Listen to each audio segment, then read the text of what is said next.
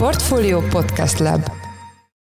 Több szolgáltatónál látjuk, hogy veszteségeket termelnek, méghozzá elég jelentős veszteségeket termelnek, és ennek leginkább az az oka, hogy egyrészt ez egy nagyon komplex iparág, tehát egy több szakmás kórházat üzemeltetni azért az egy általában elég komoly operatív felkészülést igénylő művelet, nyilván tele van kockázatokkal is. Ezen kívül pedig, ami talán még fontosabb, hogy az úgynevezett input költségek teljesen elszálltak, ugye az orvos szakdolgozói bérek és jutalékok nagyon nagyban növekedtek, a rezsiköltségek növekedtek, az anyagköltségek általában az euró árfolyam, illetve a forint árfolyamhoz kötöttek. Tehát azt látjuk, hogy ezek a költségeknek a növekedése, nem tudtak az árak minden esetben lépést tartani.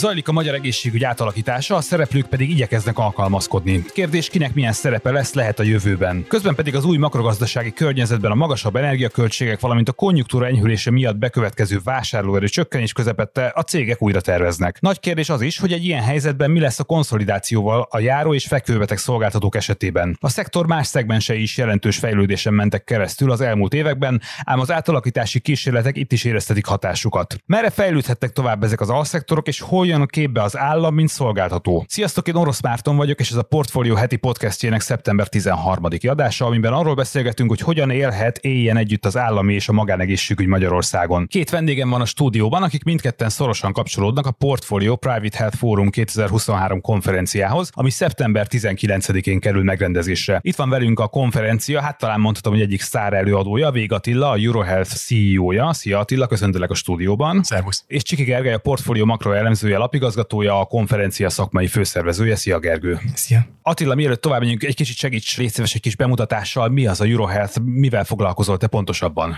Az én múltam az, hogy Európában több országban is kórházláncokat vezettem, mint elnök vezérigazgató, három ilyen kórházcsoportot Angliában, aztán Közép-Európában a Penta kórházcsoportot, majd utána a legnagyobb páneurópai kórházláncot, a KPO csoportot, amelyik a Stockholmi tőzsdén volt jegyezve, egészen a közelmúltig. Közel 300 kórházat üzemeltettünk Európa öt országában, Németországban, Franciaországban és a Skandináv országokban, és jelenleg pedig több európai szervezetnek vagyok az elnöke, felgyűlőbizottsági elnöke, és gyakorlatilag ebben a minőségemben van valamilyen rálátásom az európai, illetve a hazai egészségügyre is. Hát szerintem ebből is következik, hogy nagyon izgalmas összehasonlítási alapot tudsz majd azért mutatni itt a, itt a hallgatóknak a magyar és az európai egészségügy, magánegészségügy és állami egészségügy kapcsolatában. Rögtön kezdjük is azzal, hogy van-e olyan trend most Európában az egészségügyi ellátások, szolgáltatók működése, vagy a piac működése tekintetében,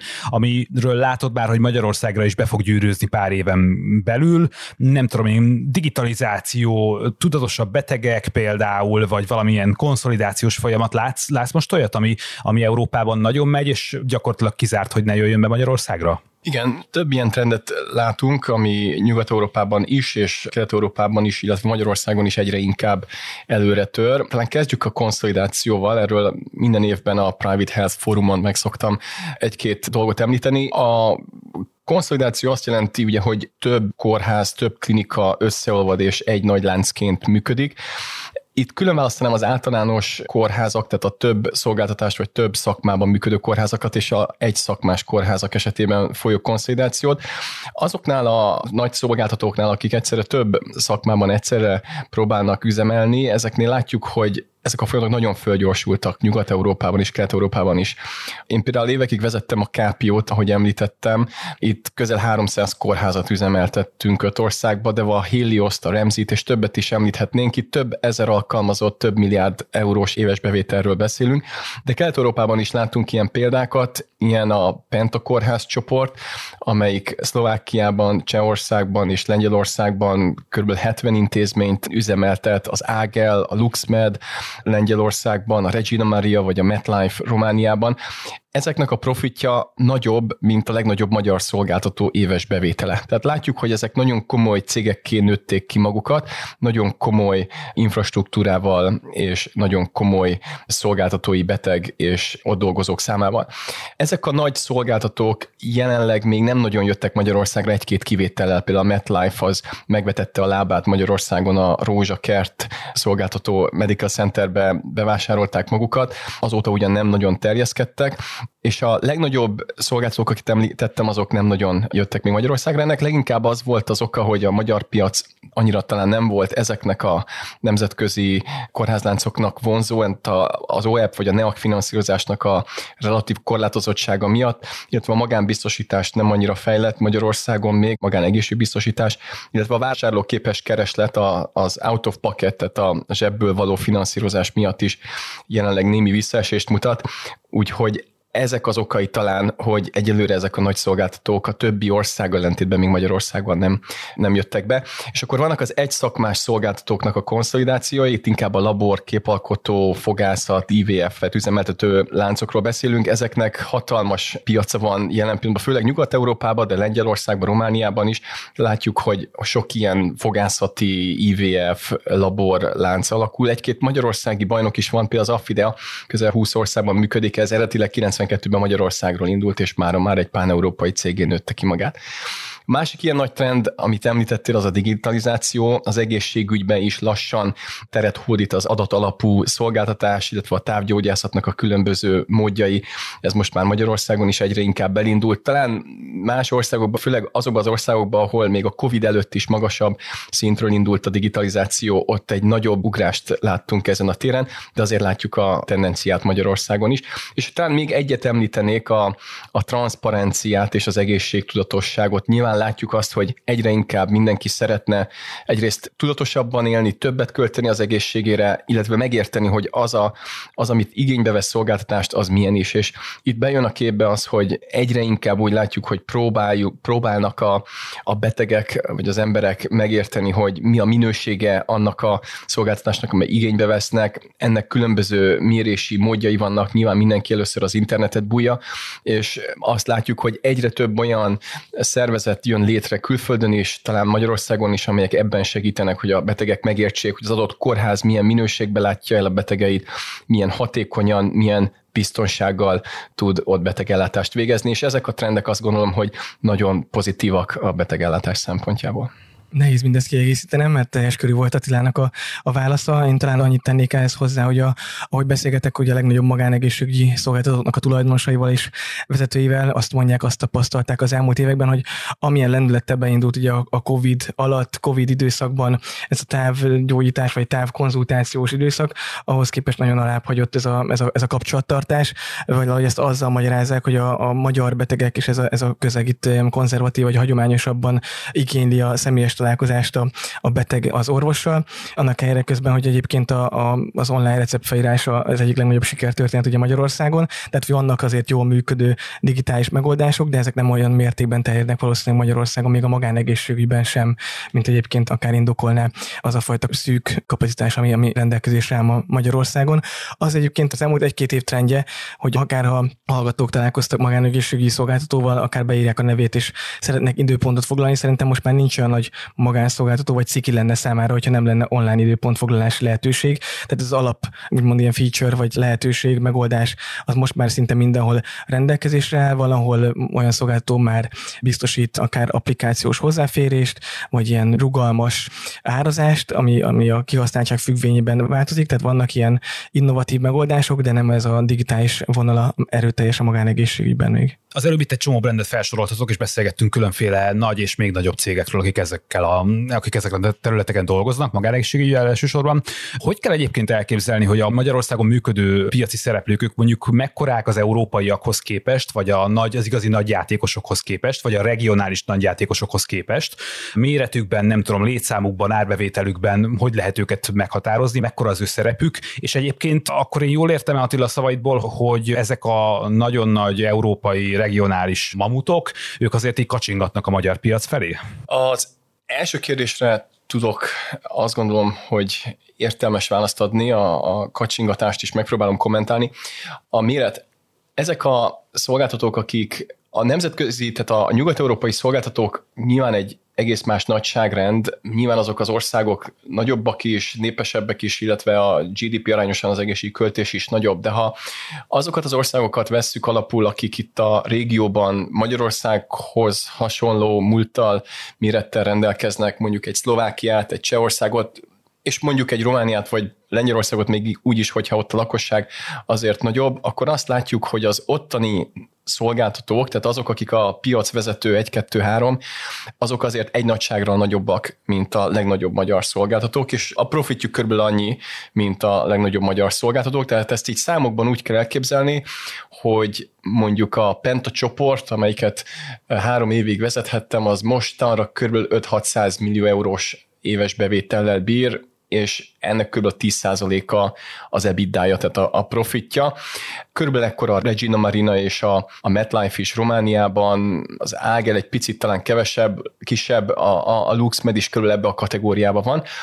A legnagyobb magyar szolgáltatók azok a 10 és 20 milliárd forint között éves bevétellel bírnak, ami egy olyan 30-40 50 millió euró. Tehát látjuk, hogy az 50 és az 500 között azért van egy nagyságrendnyi különbség, még akkor is, hogyha ezek közül például a Penta három országban van jelen, de például LuxMed, Regina Maria vagy MedLife az csak egyetlen országban működik, az Ágel meg csak Csehországban és Szlovákiában. Tehát itt azért látjuk, hogy ennek az oka általában történelmi, bizonyos kelet-európai országokban az állam az a 90-es, 2000-es években úgy döntött, hogy az állami kórházaknak egy jelentős részét úgymond kiszervezi, és a állami beteg bemehet egy magán tulajdonolt kórházban is úgy, hogy csak állami biztosítása van, tehát nem kell fizetnie. Ez például Szlovákia Csehországnak a története bizonyos szempontból Lengyelországnak is, míg például Romániában pedig azért fejlődött ilyen dinamikusan, és nőttek ilyen nagyra az ottani bajnokok, vagy vezető szolgáltatók, mert a állami egészségügy az annyira rossz minőségű volt, hogy gyakorlatilag a betegeknek nem volt bizalma az államival szemben, és ezért a fizetőképes keresetüket úgymond rögtön vagy elég korán már elvitték a, a magánba, és így a magánok tudtak fejleszteni és nőni, és már olyan kórházakat üzemeltetnek, amelyek valós alternatívája az állami egészségügynek, komplex műtéteket, egészen a onkológián keresztül a szívsebészeten át a transplantációig gyakorlatilag mindent képesek elvégezni és lefedni. Ennek ellenére azt látjuk, hogy azért a magyar piac nagyon dinamikusan növekszik, két számjegyű százalékban nézve az éves növekedés, aminek leginkább három oka van. Egyrészt ugye a reálbérek azok azért az elmúlt 5-10 évben dinamikusan növekedtek Magyarországon, az embereknek több pénze volt arra, hogy egészségügyre költsenek.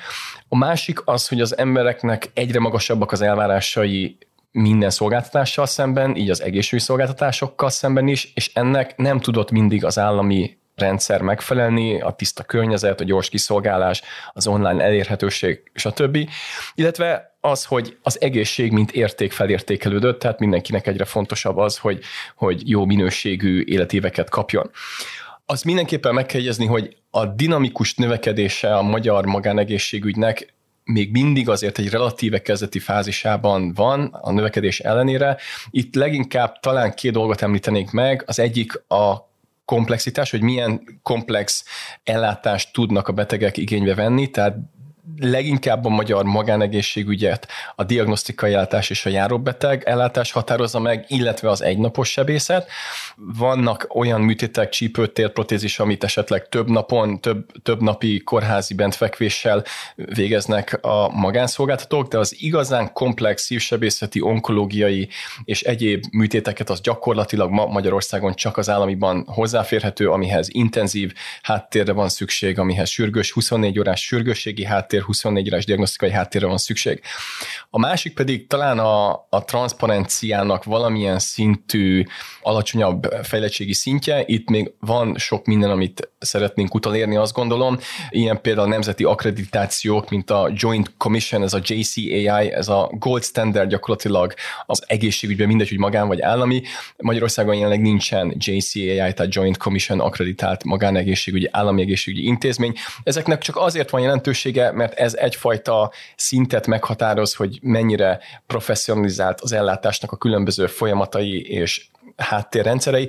Tehát azt gondolom, hogy itt a következő évek még ezeken a területeken további fejlődést fognak hozni.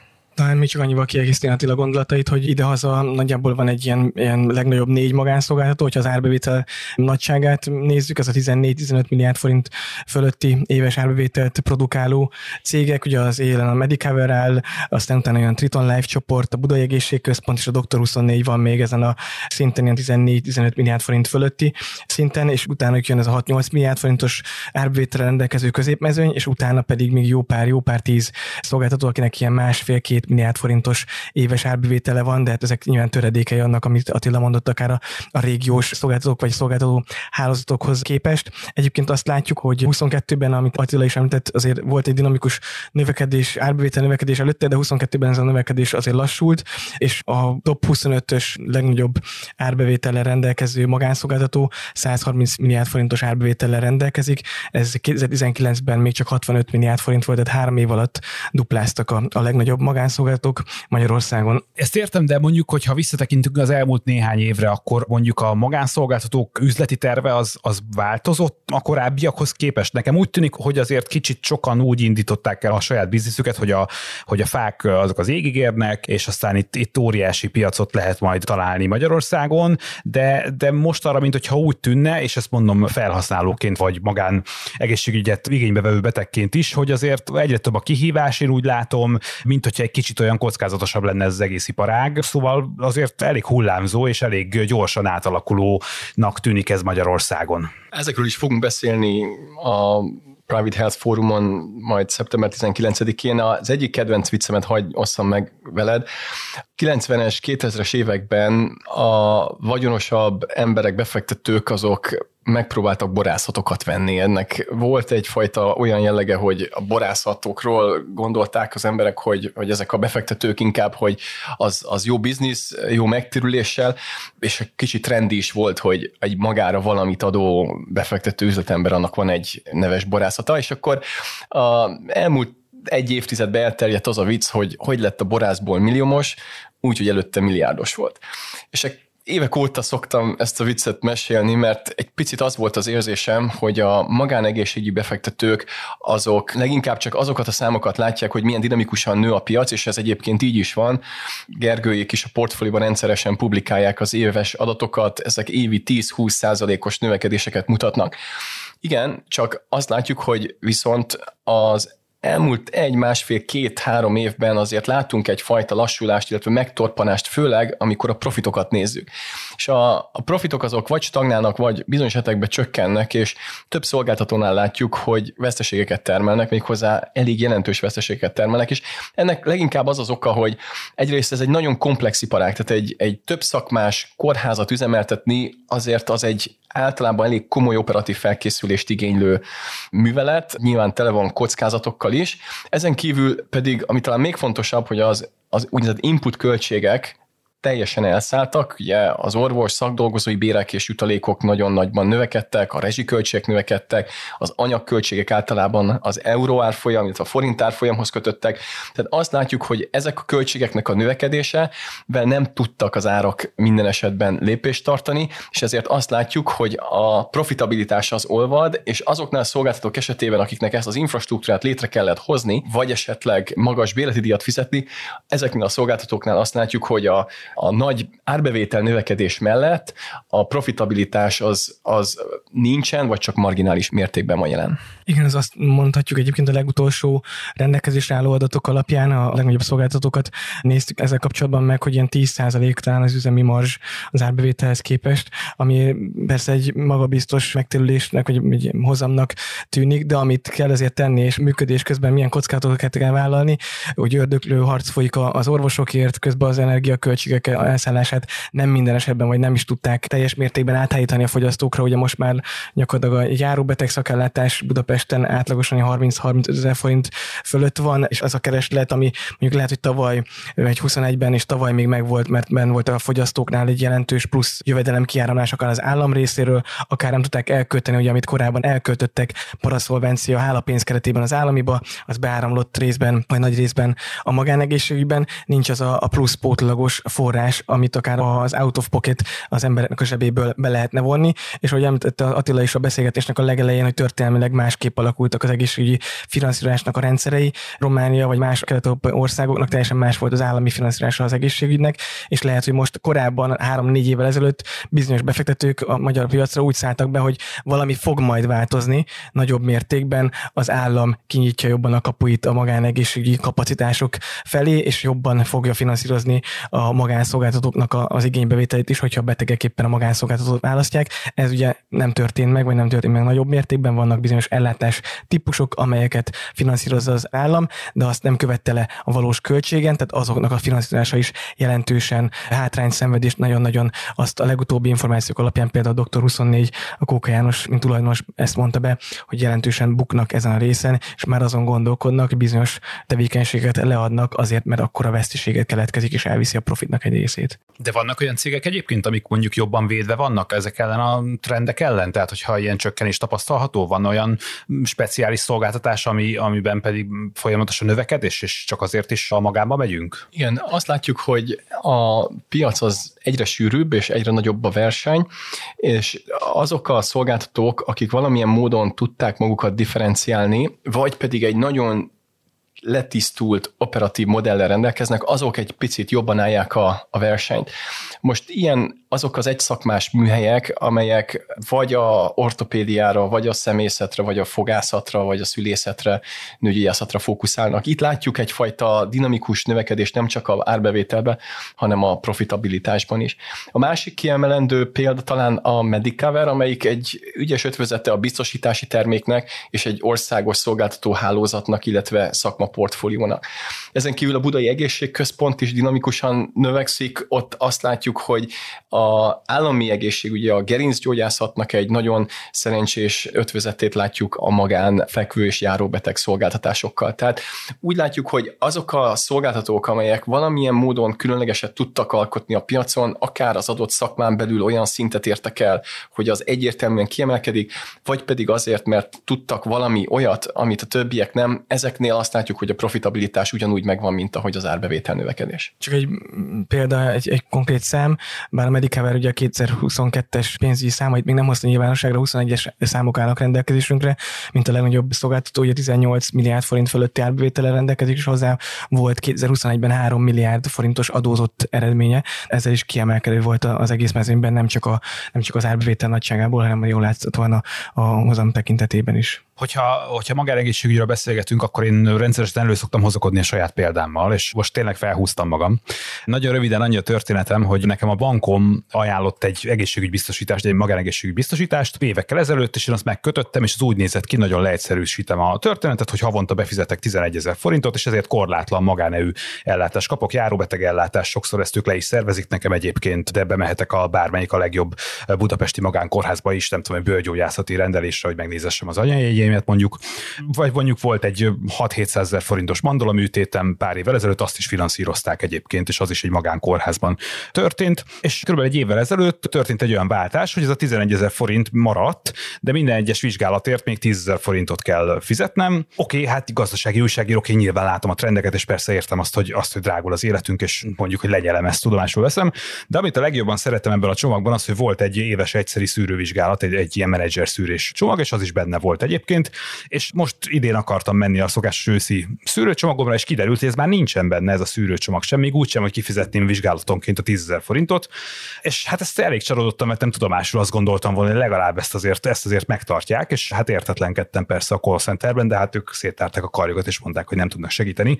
Úgyhogy most próbálok itt a, korábbi betegségeimre hivatkozó időpontokat foglalni egyébként, és így sikerül többé-kevésbé, meg a házi orvosomtól kérek beutalót, és akkor úgy tudok menni egy ilyen egy-két napos, is mondjam, egy ilyen csomagszerű kivizsgálásokra.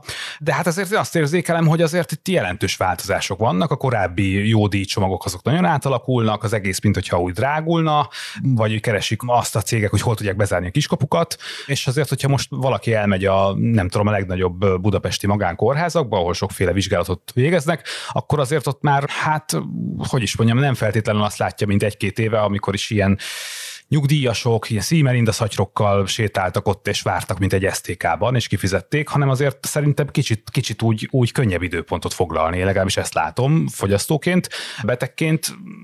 Drágulás van valóban, ezt ti is látjátok? Drágulás van, az egyértelmű, hogy a szolgáltatók próbálnak versenyt tartani a költségek növekedésével, az inflációval.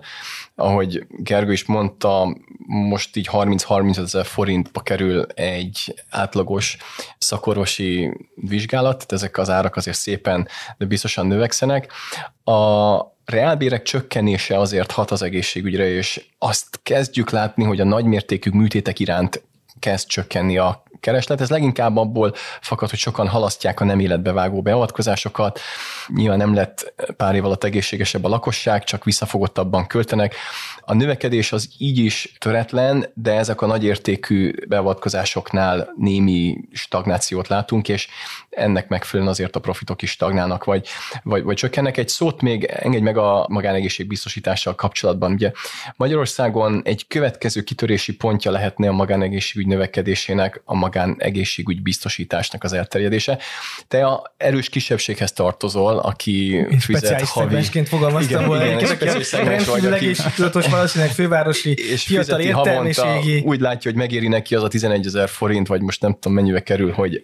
hogy, ebben, hogy... ha megnyugtat, ez szerintem ebben a magyar társadalom felső egy százalékában van ezzel, ezzel az egészségtudatossággal. Nem akarok előtétes lenni, de igen, nagyjából... a magánegészség az kisebb, mint 5 százalék Magyarországon, és ennek is a nagy része azért úgynevezett B2B, tehát business to business, ez azt jelenti, hogy a biztosítók a egyes termékeiket leginkább cégeknek adják el, vagy nehogy Isten bankoknak, akik utána továbbadják az ügyfeleiknek. Tehát például egy magára valamit adó nagyobb nemzetközi magyar vállalat, az a munkavállalónak általában fölajánlja, hogy valamilyen formában ingyenesen vagy kisebb copaymenttel, tehát öndíjjal vagy önköltség mellett el tud menni valamelyik nagyobb szolgáltatóhoz. Most ezek nagyon izgalmas dolgok, de ahogy Gergő is mondta, ez azért a lakosságnak egy, egy erős kisebbsége. Ennek azért több oka van, hogy egy átlagos magyar ember miért nem vesz magának magánegészségbiztosítást, és fizetget mondjuk havi egy-két tízezer forintot. És ennek leginkább az az oka, hogy egyelőre, ahogy említettem, a magánegészségügynek a szolgáltatási portfóliója az korlátos. Tehát a biztosításnak a koncepciójának a lényege az, hogy egy kockázat közösség jöjjön létre, és azokban az esetekben, amikor az embernek több millió vagy több tízmillió forintos káreseménye, nehogy Isten, tehát adott esetben egy műtét, egy, egy intenzív ellátással, stb. az az nagyon könnyen több 10 millió forintba kerülhet, ki kelljen fizetni, ebből az esetben ne neki fájjon, hanem gyakorlatilag kockázat közösség adja össze azzal, hogy mindenki fizeti azt a pár tízezeret minden hónapban. Ugye az a nehéz, hogy Magyarországon az ilyen nagyértékű műtétek a magánellátásban gyakorlatilag nem elérhetők. Ezért azok az emberek, a, akár a magunk fajták azon gondolkodnak, hogy most miért fizessek egy-két tízezer forintot. Ez a 11 ezer forint egyébként egy, egy, egy jó árnak számít, de mondjuk egy ilyen 20-30-40 ezer forintot miért fizessek azért, hogy beleférjen, és le azt gondolom, hogy te szolgáltat is ebbe az irányba megy, hogy beleférjen mondjuk egy egynapos sebészeti műtét, ami mondjuk talán egy millió forintnál meg is állna, de talán inkább csak 500 ezer forint, illetve évente pár hányszor elmenjek egy szakorvosi vizsgálatra, ami mondjuk ilyen 30 ezer forintszor 2-3. És összerakja a matekot, és azt mondja, hogy hát, hogyha majd úgy járok, akkor inkább kifizetem, mint hogy minden hónapban kifizessek ugyanennyit. És viszont azokra a nagy költségű beavatkozásokra, azokra meg gyakorlatilag nincsen jelenleg lehetőség a magánban. Úgyhogy én azt gondolom, hogy következő években ebből is lesz áttörés, főleg ha lesznek olyan szolgáltatók, akik mondjuk a Regina Maria, vagy a Penta, vagy a MetLife külföldi példájára bevállalják azt, hogy komplex, intenzív háttérrel rendszerrel működő beavatkozásokat is fognak tudni csinálni, és akkor lehet, hogy a lakosságnak egyre jelentősebb része fogja azt mondani, hogy igen, akkor én veszek magán biztosítást, mert a biztosítás, mint kockázat közösség értelmet fog nyerni. Igen, aztán egy rókol fogta a csuka helyzet, hogy mindenki a másikra vár. Várnak a biztosítók, hogy majd az állam lép, ösztönöz, várnak a vállalatok, hogy akkor majd az állam belép, és akkor nekik nem kell annyit befizetniük, kapnak nekik kiegészítő támogatást, az emberek pedig várják, hogy minél többen legyenek, amit ugye Attila mondott, hogy a, a kockázat közösség kiszélesedjen, és ezzel ezáltal úgymond a, ezek a költségek úgymond szétporladjanak a biztosítónál, mert most gyakorlatilag ugye az elmúlt években élvezted ezt az előnyös helyzetet, gyakorlatilag egy kemény veszteséget termeltél valószínűleg a biztosítónak, miközben időközben ugye annyit drágultak az ellátások, hogy említettük a különböző költségek, az elszálló input költségek, főleg az orvosbérek emelkedése miatt, hogy a biztosító is kénytelen volt ezt a szolgáltását drágítani, vagy teljesen elérhetetlené tenni, hogy azt látta, hogy egyébként egy óriási fekete mínuszba sodrodik bele betegenként, főleg az olyan betegek esetében, vagy felhasználók esetében, akik olyan egésztudatosak és odafigyelnek az egészségükre, mint te. Oké, csak azt nem értem, és valószínűleg ez a hallgatóink fülét is megütötte, hogy azt mondtátok, hogy Romániában például a költséges műtéteket is a lakosság kifizeti, és ott van erre kapacitás is, tehát van magánegészségügyben olyan kapacitás, amelyikben nagy műtéteket tudnak elvégezni, ami Magyarországon nem nagyon jellemző, hogyha jól értem. Ott hogy lehet, hogy ott tud piaci alapon működni? Egész egyszerűen azért, mert nagyobb a lakosság? Románia az egy picit más, mint Magyarország, mert, ahogy említettem, Romániában az állami egészségügyben a rendszerváltás után volt egy lehetőség magánegészségügyi szolgáltatókat fejleszteni. A lakosságnak nem volt bizalma az állammal szemben. Most ugye Magyarországon azért az állami ellátás az nem volt annyira rossz 90-es, 2000-es években, nem a mostanihoz képest, hanem a lakosság szemében, illetve a paraszolvencia rendszer egy lehetőséget teremtett, hogy az emberek azt gondolják, hogy a paraszolvencia kifizetésével nekik egy relatíve jó ellátásban lesz részük. Ez Romániában nem volt meg, mert az állami szolgáltatók olyan szinten voltak lezüllesztve az infrastruktúrát tekintve, gyakorlatilag a gyógyszert, a kötszert, a katétert, mindent a betegnek magának kellett bevinni, azért ez Magyarországra nem volt így igaz. Ezért a, azok a magánszolgáltatók akkor kezdtek fejleszteni, azok 10-20 év előnybe vannak a magyarországi társaikkal szemben. És azzal, hogy ők tudtak növekedni, országos hálózatokat építeni, egyre nagyobb tőkét felhalmozni, így egyre komplexebb műt műtéteket tudtak a komoly infrastruktúra miatt és a beteganyag miatt gyakorlatilag kifejleszteni, és ezeket rentábilisan működtetni. Magyarországon az a nehéz, hogy a, a komplex műtétek, amik drágák, ott még mindig az állami egy valós alternatívája magának, ugye ez Romániában a múltban ez nem volt így, ezért a betegek egy része ott csapódik le, és akkor maradnak azok, akik mennének a magánba, mert ők azt gondolják, hogy jobb, és még ki is tudják fizetni, és ez egy relatíve kicsi réteg, mondom a drága műtétekre, és erre még a magán nem merte bevállalni használni, mert az üzleti tervek gyakorlatilag nem adták ki azt a matekot, hogy érdemes legyen ilyen fejlesztésbe kezdeni. Azért elmondom, hogy vannak ilyen fejlesztések, például a Budai Egészségközpont az most egy ilyen fejlesztésbe kezd, következő három évben szeretnének fölépíteni egy olyan kórházat, amelyik az ilyen komplex ellátásokat is meg fog tudni csinálni. Tehát én azt gondolom, hogy Magyarország is elindul ebbe az irányba, talán lesznek mások is, én azt gondolom, de ilyen szempont Romániához képest hátrányban vagyunk. Ha a szlovák, cseh, lengyel piacot nézzük, ott pedig az a nagy különbség, hogy az akkori kormányok, főleg a 2000-es évek elejéről beszélünk, úgy döntöttek, hogy az állami kórházakat magánkézbe adják. Most az állami kórházak azok eleve komplex ellátásra is szakosodtak. Ott mindig van intenzív, ott mindig van 24 órás sürgősségi ellátás, ott meg azért van lehetősége a betegnek magánellátásba részt venni, úgy, hogy nem fizet, és komplex ellátásba, mert ott gyakorlatilag privatizáltak bizonyos számú állami kórházat. Például a Szlovákiában a 65 kórházból, ami ott működik, 19 az a Penta csoportnak a kezében van, ezek városi kórházak, de emiatt tudott megnőni úgy a, a magánegészségügy nem csak méretben, hanem komplexitásban is. Tehát a magyar piac ilyen szempontból különleges. Tehát egy TB alapon megy be a beteg a kisebb szlovákiai kórházba, amilyen magánkórház tulajdonképpen, hiszen magán üzemeltetésben van, ott a TB-jére kapja meg a magánellátást. Így van, a beteg nem is tudja adott esetben, hogy most ez egy magánszolgáltató által üzemeltetett kórház, vagy államilag üzemeltetett kórház. Remélhetőleg, legalábbis a magánszolgáltatók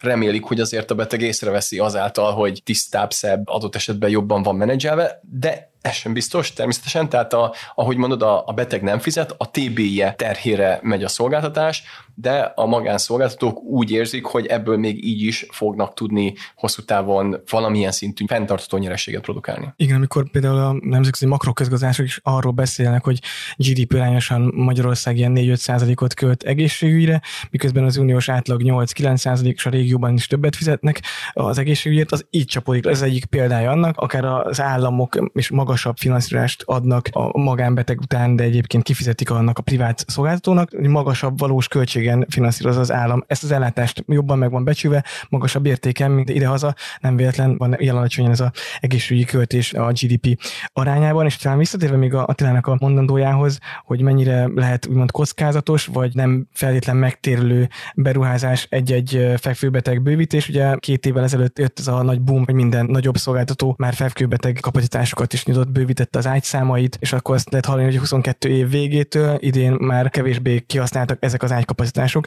miközben valószínűleg két-három évvel ezelőtt, amikor eltervezték, hogy majd a fák az égig nőnek, és látták ezt a fogyasztói keresletet, hogy milyen szép kihasználtsággal és az üzleti számok is majd meg fognak térülni, ahhoz képest lényegesen rosszabb lehet a kihasználtság, és ezen veszteséget termelnek, és közben gondolom ez pedig akár a későbbi fejlesztési terveiket is akadályozza, vagy mond a kockázatvállalási hajlandóság is alacsonyabb lehet, de például vannak ilyen szigetszerű, jól működő példák, akár a BEC, akár néhány nagyobb szolgáltató, akik úgymond próbálnak előre menekülni, és ez úgymond szerintem egy szakmai versenyt is generálhat a piacon, hogyha másoknak meg tudják mutatni, hogy ők mivel emelkednek ki a betegekért folytatott küzdelemben. De nekem úgy tűnik egyébként állampolgárként, betegként, hogy Magyarországon nem igazán van átjárás, tehát hogy nem igazán tud mit kezdeni az állam a magán kórházakkal. Tehát például számomra az ilyen meseszerűnek tűnik, hogy nem tudom, hogyha a Kiskunhalasi kórház nem működik olyan jól, és az államnak csak a baja van vele, akkor kiadja egy magánszolgáltatónak, és úgy működtesse tovább, hogy én a tajkártyámmal be tudjak oda menni, és kapjam az ellátásokat. Mostani paraméterek mellett inkább menekülnek. Ez elől az ajánlat elől a privát szolgáltatók, mert egyszerűen nem jönnek ki a matek. Van egy ilyen is, igen, tehát a, az állami kórházak finanszírozása az részben valósul meg a, a HBC-n keresztül, tehát a, az adott ellátás után fizetett tarifán keresztül, és részben pedig évvégi konszolidáció, kasszasöprés egyéb módokon. Tehát azok a magánszolgáltatók, akik jelenleg vagy a jövőbe szeretnének állami ellátást nyújtani, azoknak valószínűleg azzal kellene számolniuk, hogy a HBC-ből kell kitermelni azt a pénzt. Bocsánat, mi ez a HBC? A HBC, ez a homogén betegcsoport, ez gyakorlatilag egy adott műtétre járó összeg, amit az állam fizet. Tehát az állami biztosító a állami kórházaknak, de magára is igaz, egy adott összeget fizet. Tehát egy csípő protézisre fizet, nem tudom pontosan, mondjuk 600 ezer forintot, és akkor abból kell gyakorlatilag kigazdálkodni az összes költséget. Most ez az összeg, ez régóta nem változik, tehát ilyen 4-5-6-7 éve nem változott értemben, ezért nyilván az inflációs hatások miatt egyre nehezebb ebből valamilyen profitot megtermelni, a fenntartható működéshez szükséges. Ezt egyébként a Budai Egészségközpont, a Tatai Kastélypark és több olyan fekvőbeteg ellátást nyújtó magánszolgáltató, amelyik OEP finanszírozott ellátást is végez,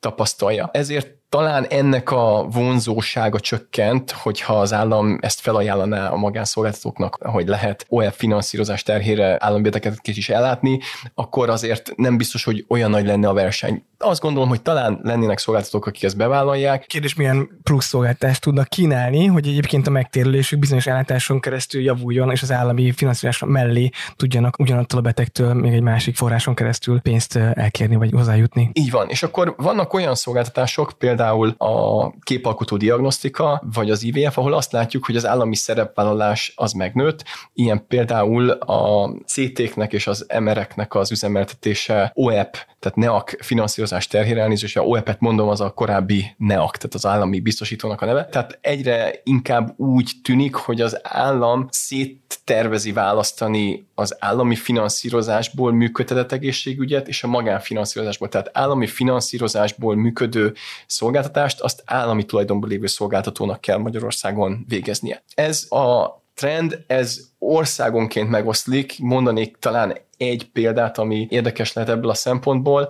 Ugye a KPO, mint kórházcsoport, az Svédországban piacvezető, még más országokban is, de Svédországban azt láttuk, hogy ott a nagy kórházak üzemeltetése során ott nem az állami kormányzat, hanem a helyi önkormányzatok 21 régióra van szétosztva gyakorlatilag a egészségügyi kassa, és az egyes régiók dönthetnek úgy, hogy hogyan is szervezik az egészségügyet. Például a Stockholm County Council, tehát a Stockholmi önkormányzat, a Göteborgi önkormányzat, amelyik egyébként a svéd lakosságnak kb. 60%-át le is fedik még a Malmöivel együtt, ők úgy döntöttek, hogy például elektív szürkehályok, tehát tervezhető szürkehályok, tervezhető csípőtérprotézist nem szeretnének, hogy állami kórházak végezzenek. És ezeket kitenderezték 5-10 éves tenderekre, és nagyon szigorúan nézték azt, hogy a betegeknek milyen a gyógyulási rátájuk. Ami egyébként mérhető, tehát ezeknek már megvan a nemzetközi módja, hogy egy csípőprotézisbes beteg az a műtét után 1-6-12 hónappal mennyire tud önellátó lenni,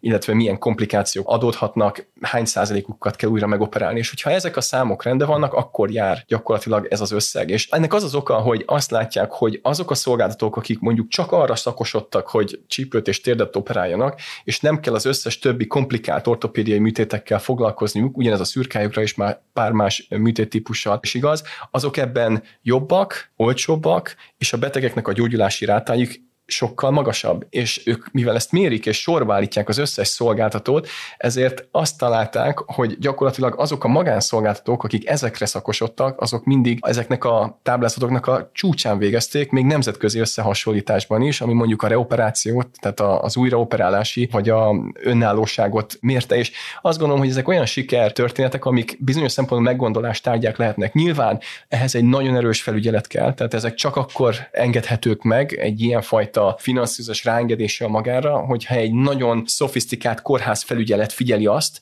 hogy a beteg érdekei védve legyenek, mert a beteg ugye az nem tudja, hogy valójában ő hogy gyógyul meg, illetve érzi ő, de nem tudja, hogy ez mihez képest jó vagy rossz, és ezért ezek a beteg nevében próbálják szabályozni azt, hogy a tenderben nyertes magánszolgáltatók azok tényleg jó minőségbe végzik a munkájukat, és így gyakorlatilag az adófizető is, aki ugye összeadja azt a pénzt, amiből a állami finanszírozásba végzett betegellátás működik, illetve a beteg is sokkal jobban jár. Tehát én azt gondolom, hogy az idővel talán ezek a példák is segíthetnek abba, hogy ezek a trendek egy picit átgondolásra kerüljenek. Hát azt hiszem, hogy nagyon sok témáról beszélgethetnénk még, és nagyon sok szempontból megfoghatnánk még ezt a témát, de hát lassan adásidőnk végére érünk, úgyhogy folytatása következik szeptember 19-én a Portfolio Private Health Forum 2023-as konferenciáján, ahol mai vendégeimben is találkozhattok. Vég Attilával, az EuroHealth CEO-jával. Köszönöm Attila, hogy itt voltál velünk a műsorban. Én is köszönöm. És Csiki Gergelyel, a Portfolio lapigazgatójával. Köszönöm, Gergely, hogy bejöttél hozzánk. Köszönöm szépen. És ez volt a Portfolio heti podcastje szeptember 13-án. Ha tetszett az adás, akkor iratkozz fel a Portfolio podcast csatornájára minden olyan felületen, ahol podcastet hallgatsz. Új adással legközelebb egy hét múlva jelentkezünk. Köszönjük a figyelmet, sziasztok, viszont hallásra!